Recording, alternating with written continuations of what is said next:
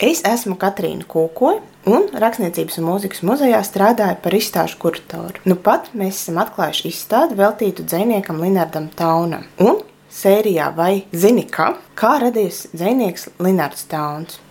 Dzēnieks Linārds Tauns, īstajā vārdā Arnolds Mikus Bērs Bērziņš, dzimis 1922. gada 13. oktobrī Ragaciemā, piecu bērnu ģimenē.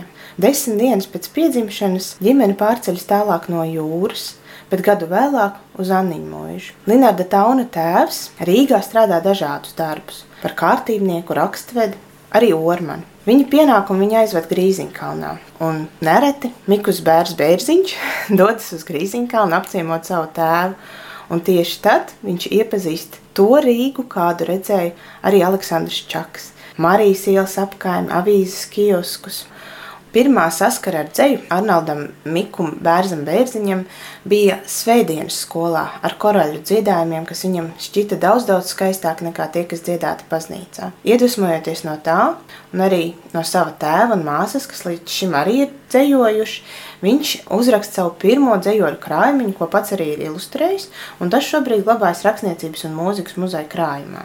Vēlāk, jau Vācu okupācijas laikā, kad Arnolds Bērs Bērziņš strādā par dzelzceļnieku, savos brīvajos brīžos viņš dodas arī uz jau zināmu dzēnieku vakariem. Viņš ir apciemojis gan Aleksandra Čaka, gan Erika Adamsona, gan Viļa Cedriņa dzējas vakarus. Šajā laikā viņš mēģinājis iesūtīt savus dzējos arī jaunākajām ziņām un publicēties, bet Latvijā tas vēl nav izdevies. Pavērsienu punkts notiek tad, kad, atkāpjoties Vācu armijai, Linādam Taunam kopā ar brāli vajag evakuēties līdzi armijai un doties Vācijā bēgļu gaitās.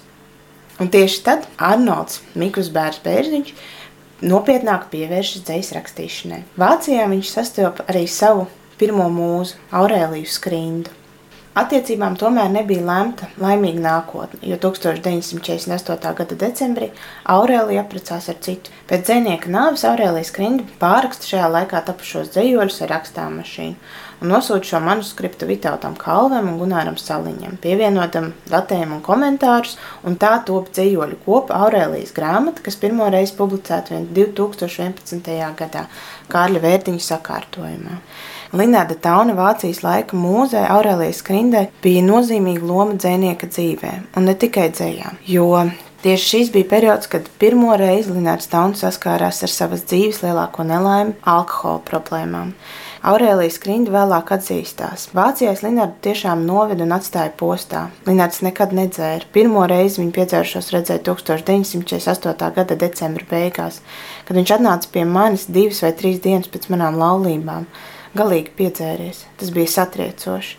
Iedzēla briesmīga doma, ka Linārds varētu kļūt dzērājs. Nekad agrāk man tas nebija ienācis prātā. Biju cerējis, ka viņa jaunība pārvarēs smago triecienu un vilšanos. Visa Vācijas laikā tapusī dzēja ir pilna ilgām, ilgām pēc mīlestības, ilgām pēc mājām. Viens no šī laika zīmīgākajiem dzējoļiem ir paziņai trimdā. Nu, esat svešumā, bet gars klīst dzimtajā pusē. Bet šajā laikā notiek arī kaut kas ļoti īpašs, jo dzinieks iegūst arī savu pseidonīmu. Daudz domā, ka tauns ir saistīts ar angļu vārdu town, pilsēta, bet tā gluži nav. Jo savu pseidonīmu viņš ir izvēlējies ar pavisam neierastu metodi, pētot Latvijas karti ar ārkārtīgi sīkiem raksturojumiem. Tātad ir aprakstītas visas vietas, visi māju vārdi, un starp šīm vietām viņš atrod piebalgā Tauna ezeru. Un interesanti, ka vēlāk, kad viņi draudzējās jau ar Antonu Austriņu meitu Mudītu Austriņu, viņa bija ārkārtīgi sajūsmināta. Un ne jau tādēļ, ka Tauna ezers ir pie viņas tēva dzimtajām mājām, bet gan tādēļ, ka šis ezers esot bijis ļoti bagāts zivīm. Savukārt viena no versijām, kādēļ autors izvēlējies savu vārdu Linards, ir saistīta ar to, ka viņam ir paticis arī dzēnieks Linards Laicens.